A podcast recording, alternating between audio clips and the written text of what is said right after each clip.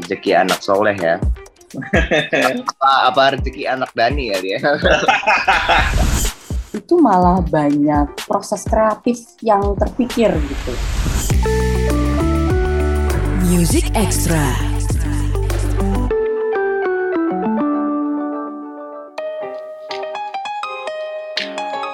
Halo good friends, Music Extra barengan gue Reno Aditya. Kali ini kita kedatangan dua orang musisi. Kayaknya semua orang kenal sama dia. Salah satunya adalah penyanyi perempuan favorit gue. Karena selain suaranya bagus, lagunya itu selalu uh, mengundang suasana mistis. Ada Astrid, apa kabar Astrid? Halo semuanya. Sehat ya, sehat ya, sehat ya. Dan juga ini musisi muda yang akan yang sangat diperhitungkan sekarang Ahmad Abdul Qadir Cailani aka Oh. Dul. Ya Dul ya? Musisi muda yang lagi pacaran terus. Kayaknya kayak beberapa bulan kemarin, beberapa minggu kemarin gue sempet ngobrol sama pacar lo juga Dul. Oh ya, Iya iya kan rilis lagu juga ya kalau nggak salah ya. alhamdulillah. Alhamdulillah. Eh, nanti aja kita ngobrol hal pribadi nih. Anyway, good friends, kenapa mereka berdua ada di Music Extra edisi kali ini? Karena uh, Astrid dan Dul baru aja merilis sebuah single kolaborasi. Sebenarnya sih nggak baru-baru. Iya masih hitung baru lah. Agustus akhir, Ya. September, ya, ya sekitar dua bulanan yang lalu. Uh, kolaborasi antara Astrid dan juga Dul lewat lagu yang berjudul Selalu Dia. Nah, kenapa kenapa gue bilang lagu-lagunya Astrid itu selain enak, ada suasana yang berbeda ketika dengerinnya. Begitu juga dengan selalu dia. Jadi gue dengerin nih, endingnya tuh nanggung kayak seharusnya aku dor selesai gitu. Itu, itu keren banget. Dor. Terus kan lagi, kan gue dengerin kan, biasanya kan nikmati ya, Toto. Uh, uh, intinya sepanjang lagu itu adalah kayak blaming kenapa sih setelah apa pun yang gue lakuin lo harus masih mikirin masih masih dia i, pokoknya dia serba dia gitu kan intinya lagu itu seperti itu kan Ya. baru di akhirnya adalah harusnya aku Ya. poin lagu itu sih seperti seperti itu kurang lebih ya Yes. tapi Ya. eh, yang paling penting cerita di balik kenapa akhirnya Astrid ngajakin Dul untuk di lagu ini gitu loh. Ada angin apa? Apa karena satu label atau gimana? Iya, jadi ini adalah pertanyaan yang pasti banyak ditanyain gitu. ya. Ah, pasti dong. Dari banyak teman-teman aku sendiri juga sem- semuanya nanya, kok bisa sama Dul? Kok kenapa Dul? Kok bisa? Hmm. Gitu. Ya maksudnya eh, ya wajar lah pertanyaan itu karena eh, secara umur kita jauh berbeda. Terus teman sepermainan juga enggak gitu kan. Terus apa ya kok bisa gitu. Jadi sebenarnya awalnya memang eh, pertemuannya tuh justru awalnya dari Dul ya. Waktu itu Dul lagi bikin konser terus ngajakin aku untuk nyanyiin salah satu lagunya di konser itu. Nah, dari situ gitu apa awal pertemuan sampai akhirnya aku wak- waktu konser itu sih memang aku belum ada rencana bikin jingle ya gitu. Terus eh, setelah itu aku ada lagu. eh, memang ini bukan ciptaannya Dul, ini lagunya Adrian Tadinata. Nah di sini tuh memang eh, lagu ini bagus sekali ya gitu dari dari melodi vokalnya sampai liriknya gitu. Terus aku pengen di lagu ini ada kolaborasi gitu. Jadi pengen ada yang berbeda. Kayak pengen apa ya? Kayaknya memang ini waktu demonya tuh aku merasa eh, lagunya dark banget gitu. Apa kok gelap banget? Memang lagu sedih ya, tapi ini ini terlalu gelap sih kayaknya terlalu gelap gitu. Ya kan? Ya jadi berarti bukan aku aja yang merasakan lagu itu nuansa ah, lagu itu. ah. Jadi justru justru waktu demonya lebih gelap lagi. Jadi ada melodi-melodi yang wow ini gelap banget Mhm. gitu. Nah terus uh, aku pengen apa kolaborasi dengan pema, uh, musisi yang bisa main piano gitu. Hmm. Kayaknya instrumen yang kental di lagu ini adalah piano kayaknya gitu. Nah langsung aku pikirnya langsung dul aja sih gitu karena Oke. sebelumnya kita pernah ikutan apa pernah ketemu di konsernya Dul terus aku cuma ke- kepikiran Dul aja gitu terus ya udah eh, sejak pertemuan itu aku uh, jadi kenal ya sama Dul gitu. Walaupun dulunya pernah ketemu tapi dulunya masih kecil sih waktu itu. masih kecil. nah dari situlah terus aku ngajakin Dul. Ternyata alhamdulillah dianya mau gitu. Biasanya kan uh, nggak nggak selalu mau ya, belum tentu mau kan. Ternyata mau gitu. Dia dengerin lagunya, eh ini bagus kak gitu. Aku mau dong gitu. Begitu Dul mengisi di lagu itu beda banget jadinya. Oke. Okay. Gitu, nuansanya lebih manis. Ya memang tetap lagu sedih ya, cuman manis lah gitu. Mm-hmm. Yang sentuhan pianonya dia gitu. Ditanya. Uh, suara cowoknya suara dulu kan ya? Iya dulu ya? Iya. Jadi nggak cuma sekedar main instrumen aja, bukan. Jujur aja, aku pikir itu tadinya. Uh, dulu tuh main gitar. Bukan. Bukan ternyata main uh, main pianonya. Isi gitar juga tapi bukan leadnya yang ambient. Oke. Okay.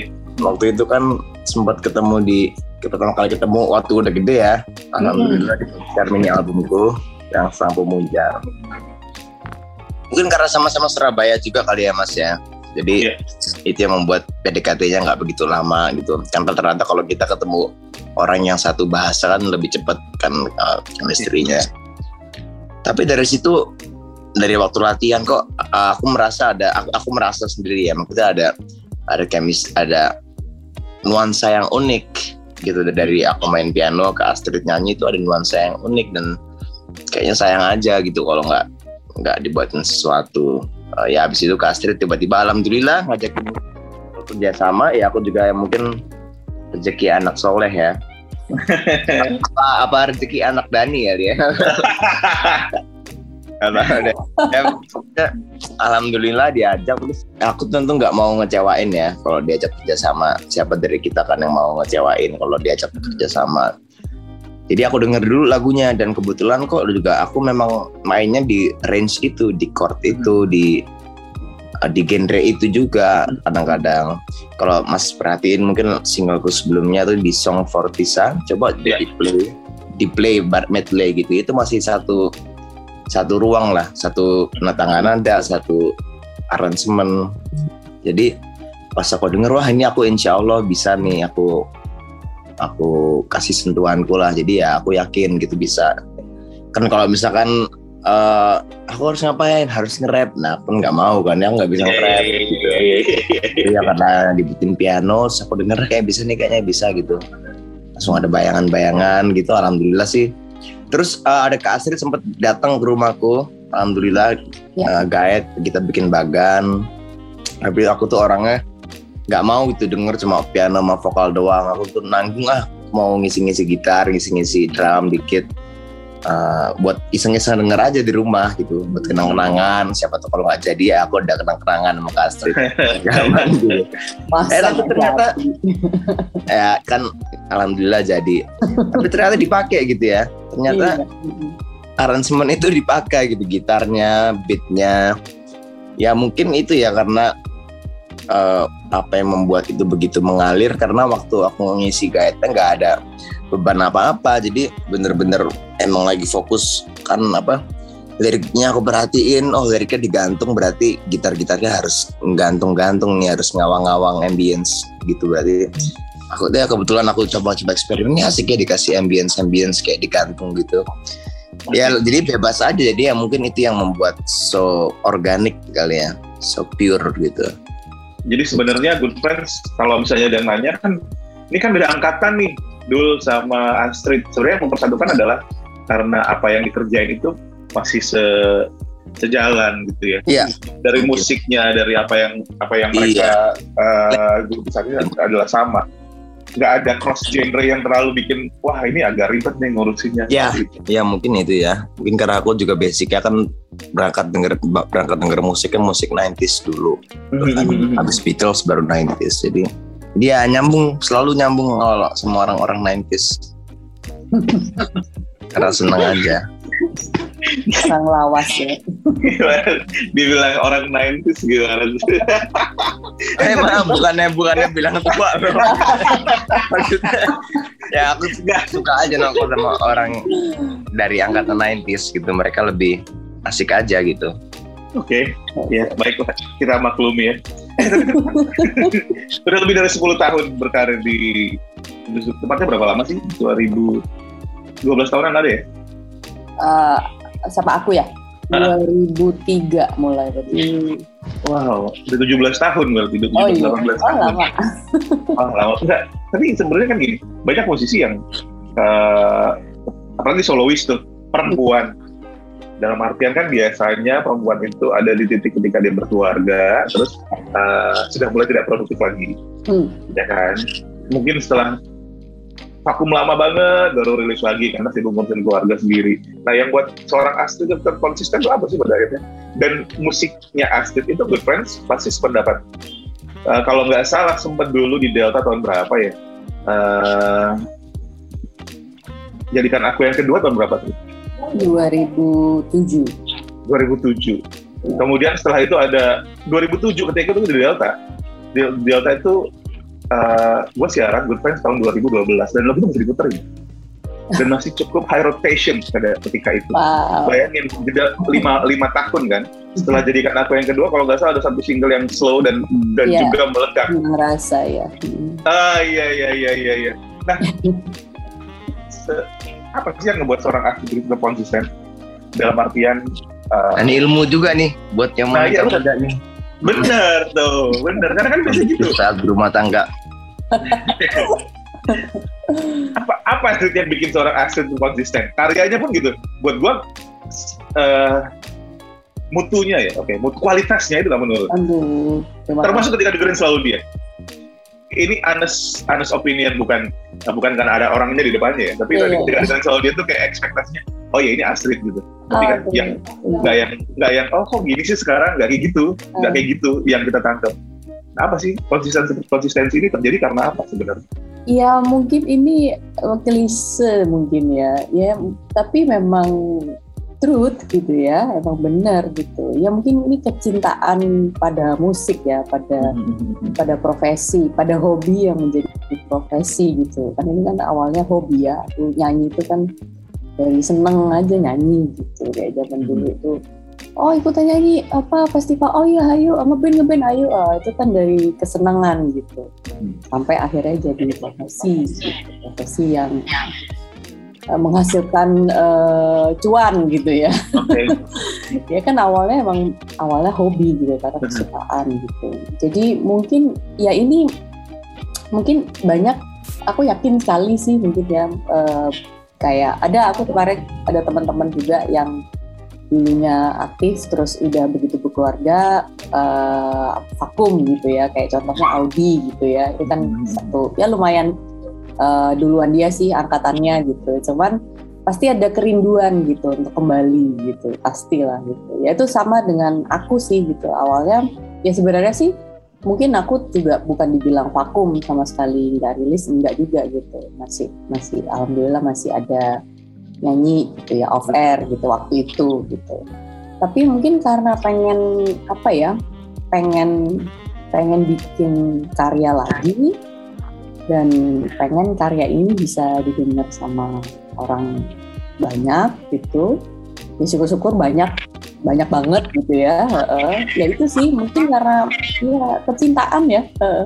passion ya mungkin ya passion yang ada di situ ya. Mm-mm. dan mungkin juga dukungan juga ya dari keluarga juga dari suami dari itu itu juga mempengaruhi gitu apalagi kalau perempuan kan biasanya udah punya anak udah berkeluarga ya udahlah ngurus rumah tangga aja gitu ya untungnya suami itu sangat mendukung gitu jangan Oh. dong jangan berhenti untuk uh, Oke. karya gitu Support ya banyak support. inilah banyak teman-teman support dari teman-teman juga gitu maksudnya "Eh, Astrid jangan dong itu apa eh, suara kamu itu ah, bla bla bla oke deh gitu jadi jadi kayak ya iya deh eh, aku juga akan melakukan hal ini eh, hal yang menyenangkan ini tidak dengan terpaksa dan alhamdulillah kalau ternyata karyanya di- masih didengar sampai sekarang gitu itu sih Betul. Jadi emang support dari suami dulu.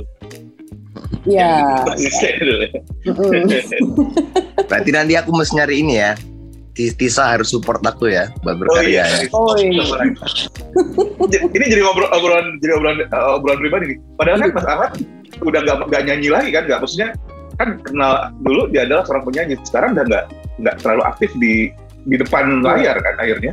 Iya, akhirnya dia memutuskan untuk tidak aktif di depan layar, tapi tetap tetap uh, tetap di area musik juga ya, uh, walaupun di belakang layar. Jadi dia malah ya semangatnya malah pengen, ayo harus bisa terus nih gitu.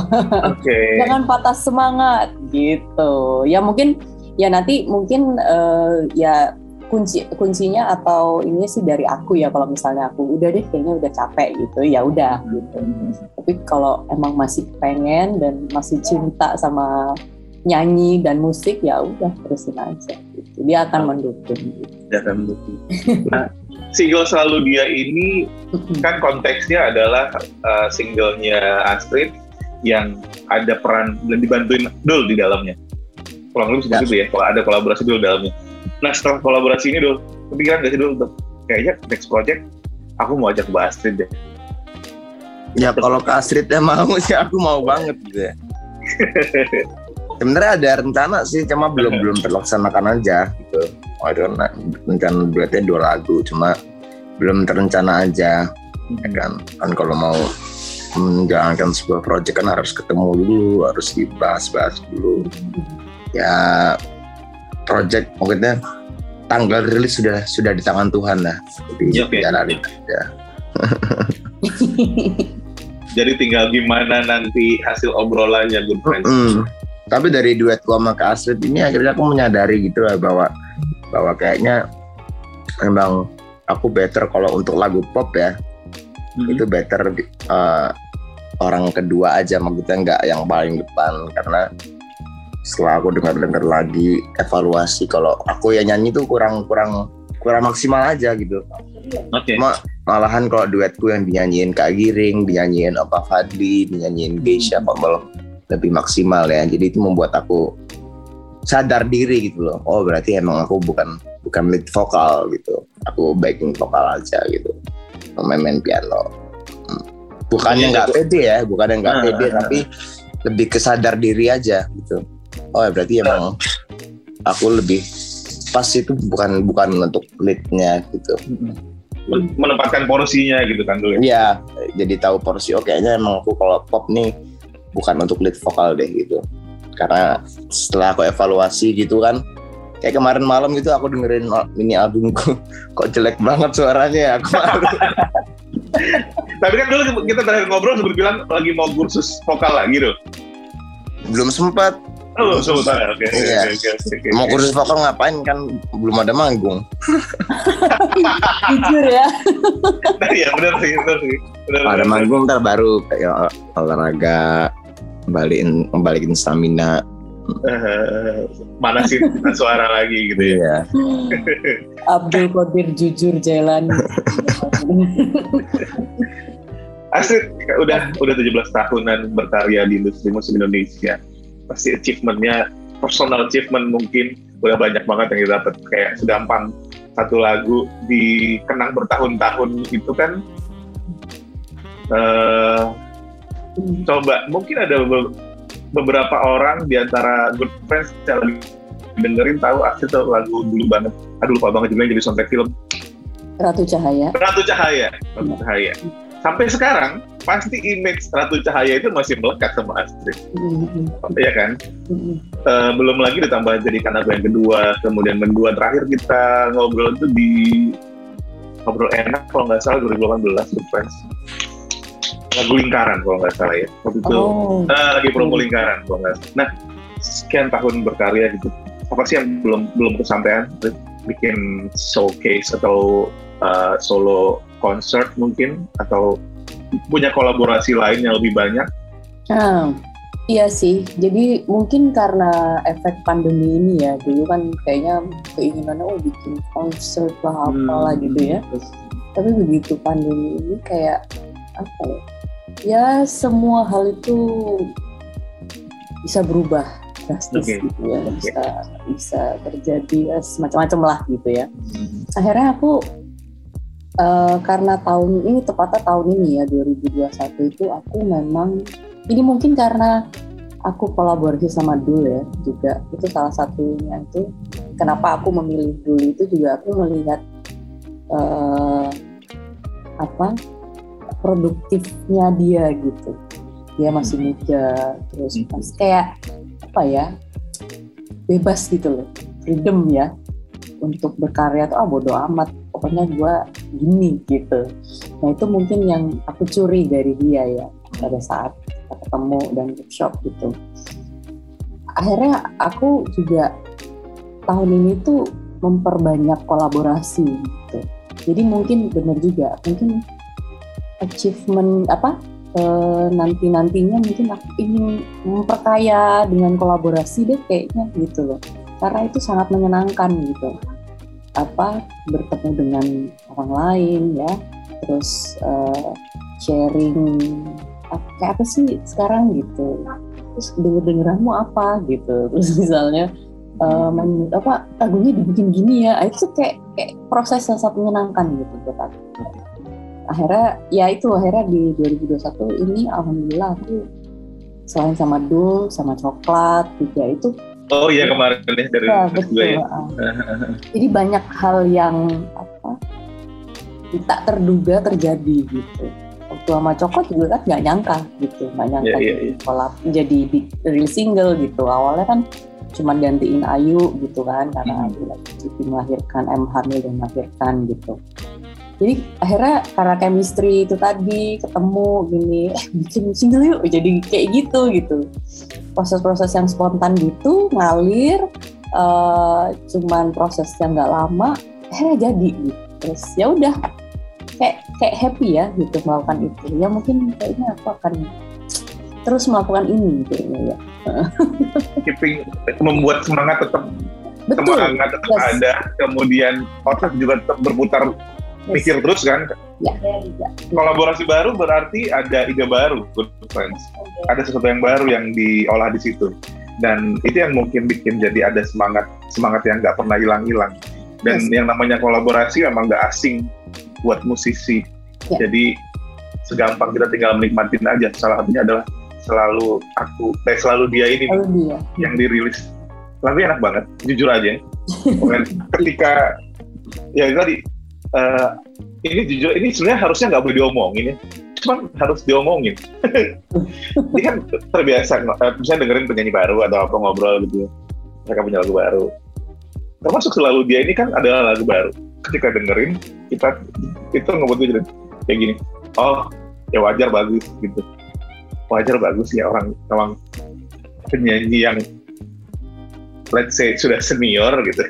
jadi kualitasnya. Jadi ketika denger tuh ya kayak wah bagus, tapi bagus itu kayak yang wah gila nih kok bisa bagus gini? Enggak. Jadi kayak oh ya wajar bagus ya asli. Oh, saya nyanyi yang oke. bagus seperti itu.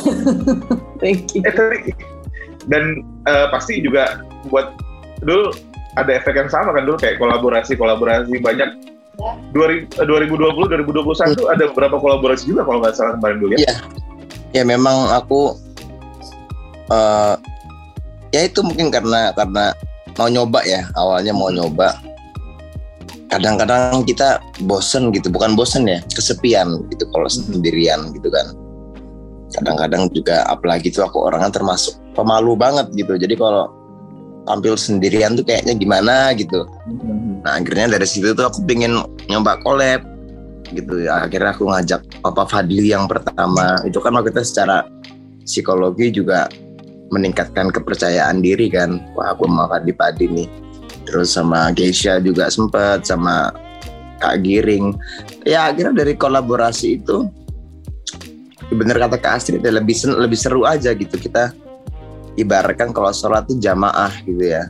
oke Jadi kita menyatukan eh, dua kepala jadi satu gitu. Waktu aku eh, dan banyak ilmu juga gitu kalau sama senior tuh kan katanya kalau kamu mau sukses eh, dekatilah mereka-mereka yang sukses gitu. Nah maksudku juga karena aku juga nggak kuliah kan, jadi aku mem- memanfaatkan belajar tuh ya di, di tengah jalan kayak aku sama Opa Fadli tuh banyak banget hal yang aku dapetin kayak mungkin sama kayak Kak Astrid juga eh, sama Kak Giring eh, banyak banget belajar selain musik ya selain musik tapi mereka mereka ini kan adalah orang yang eh, konsisten dan bertahan lama di dunia dunia hiburan dan bertahan lama di dunia hiburan kan pasti ada ilmunya gitu. Sadar apa nggak sadar. Jadi itu sih yang lebih aku curi gitu. Dan ternyata lebih seru aja gitu. Kayak abis manggung makan bareng sama Kak Giring makan bareng sama Kak Fadli. Kalau sendirian tuh kayak ya makan paling tapi sama tim gitu. Lebih bosan aja sih nah dari situ akhirnya aku sadar sadar diri aja ih kayaknya lebih maksimal kalau aku bukan lead vokal. Dan lebih banyak ilmu yang bisa diambil aja. Makanya juga sekarang aku jadi buat band ya. Karena itu lebih apa ya gotong royong lebih afdol aja sih. Jamaah kan lebih bagus kan. Music Extra. Eh, tadi sempat ngobrolin aktif di New soal apa yang terjadi setelah pandemi. Apa? Ini ini menarik nih. Eh, dua musisi beda beda status dalam artian eh, beda beda apa yang dihadapin, tapi pasti ada satu pertemuan ketika pandemi kawin terjadi. dan kawin dan belum kawin kawin dan belum kawin. tapi sebenarnya pandemi itu kalau nanya apa yang susah pasti sama jawabannya. Tapi eh, di balik semua kesulitan yang terjadi pada saat pandemi buat musisi seperti Astrid dan juga Dul, apa sih hikmah yang bisa didapat dari dari semua yang terjadi selama hampir dua tahun ini sebagai musisi? Karena kan kita tahu salah satu bidang pekerjaan yang sangat terdampak adalah musisi, nggak bisa manggung, ya kan? Sementara panggung itu adalah salah satu penghasilan sumber penghasilan yang terbesar gitu Ya, ya. dan pandemi kita nggak bisa manggung. Kadang-kadang ada beberapa musisi juga kayaknya jadi kayak semacam stres, stuck, nggak bisa berkarya, Ya. atau bahkan ada yang sampai eh, ibaratnya berkarir di bidang lain dulu. Nah, tapi itu kan hal-hal yang kurang menyenangkan yang didapat ketika pandemi. Tapi buat seorang atlet, buat seorang dulu, dibalik itu semua, apa sih ternyata karena pandemi bisa seperti ini akhirnya gitu. Gimana? Betul sih. Yang diomongin tuh banget benar. Maksudnya musisi adalah yang paling ter ini ya. Ya sebenarnya ini global ya. Semua orang mengalami ini sampai ada yang pengangguran dan sebagainya. Mhm. Salah satunya musisi ya yang paling terpukul sekali gitu. Ya jadi sebenarnya yang hikmahnya pelajarannya tuh banyak banget gitu selama dua tahun ini ya. Karena eh, ya mungkin apa kadang kan kita selalu ngambil coba ngambil positifnya deh gitu ngambil positifnya deh gitu ya pahit-pahitnya ya udah pahit emang gitu. Cuman kita mengambil hikmah dari ya mungkin dengan adanya ini justru malah karena banyak waktu ya. Karena Iya. kita banyak waktu di rumah itu malah banyak eh, apa ya proses kreatif yang terpikir gitu. Jadi mungkin kita jadi ngulik gitu. Jadi kalau misalnya nggak bisa dapet penghasilan dari off air ngapain nih gitu kan. Terus daripada kita stres dengan ngapa-ngapain gitu. Istilahnya gambas apa itu? Ya Gambas, gambas. Gambas,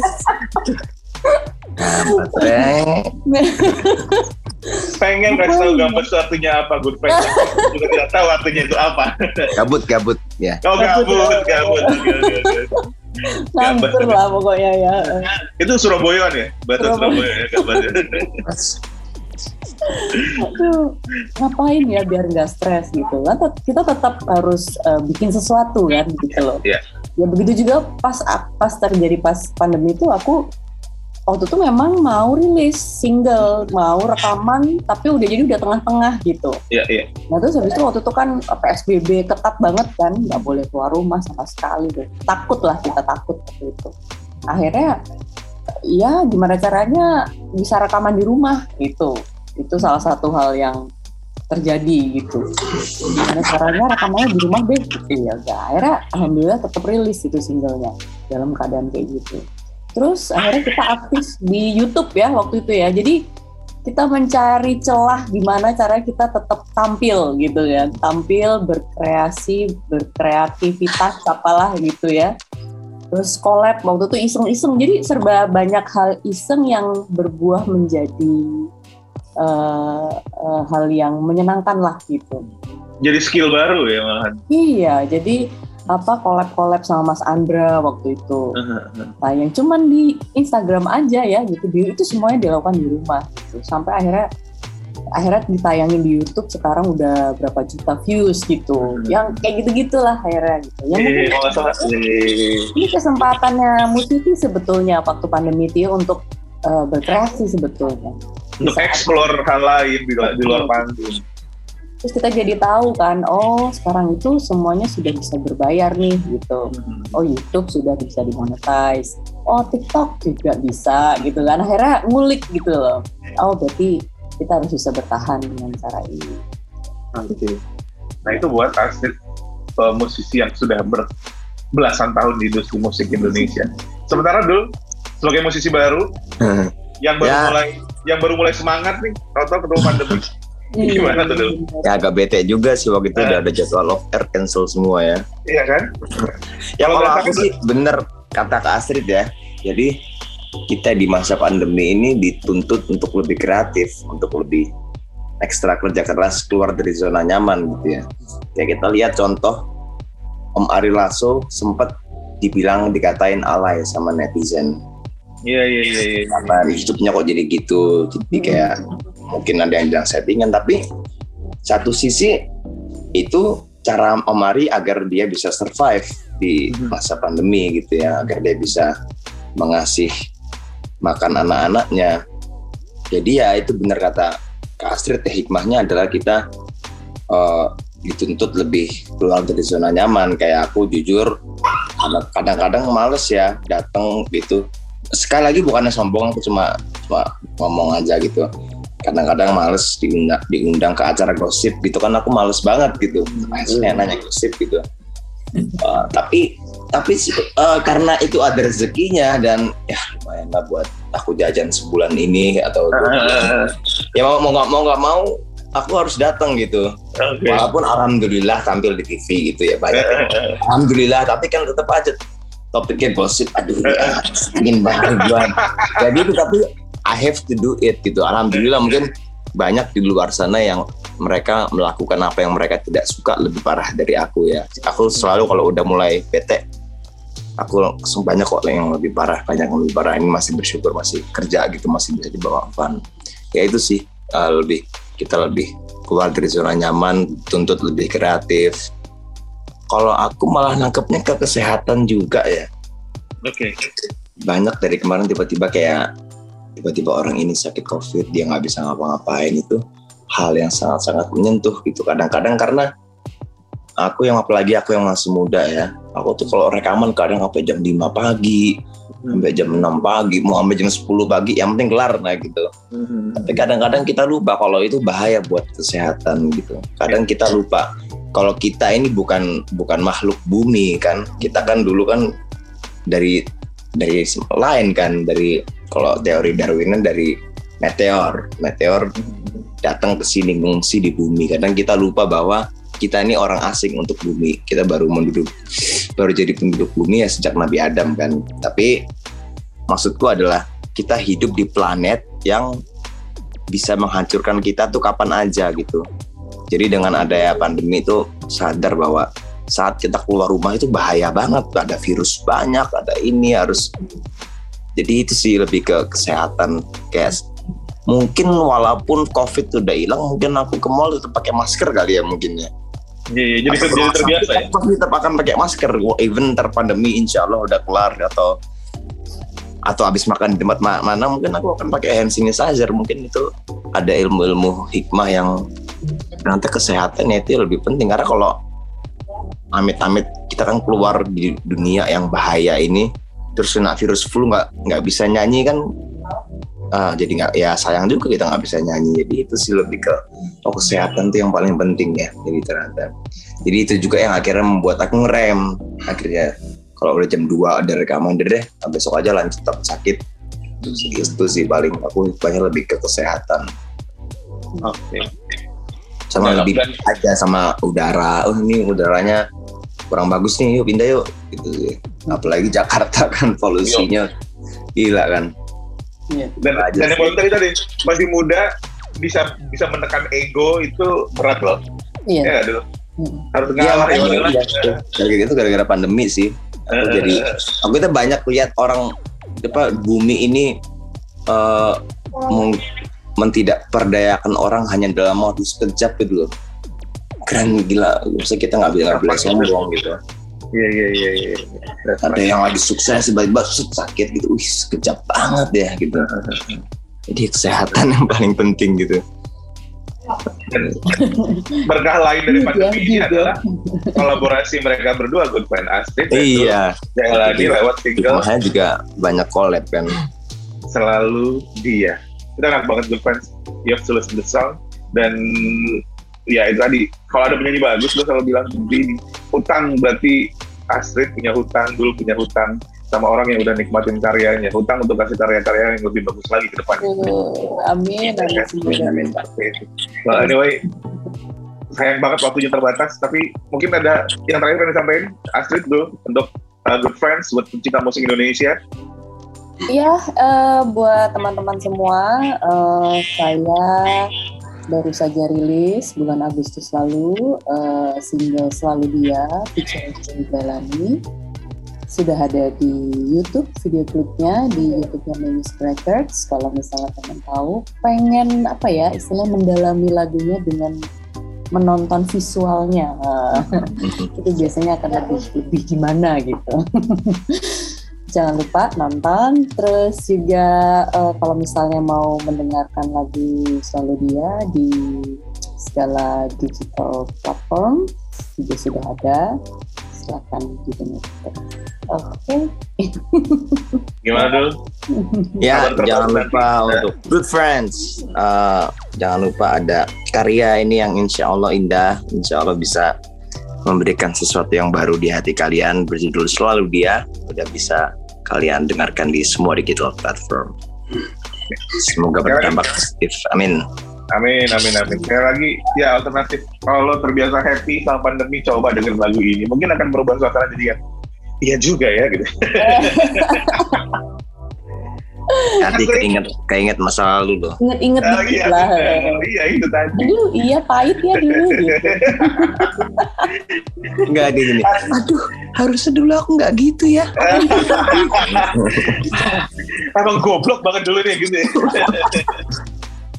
Duh, Astrid, terima kasih banyak sudah mampir Thank you so much, Mas. Good friends. Terima kasih. Ya, makasih Kak Astrid. Terima kasih. Salam Bu. buat Karlan. Ya, salam buat Tisa semuanya. Bye bye. Nah, itu dia Astrid dan Dul, Good Friends di Music Extra. Music Extra.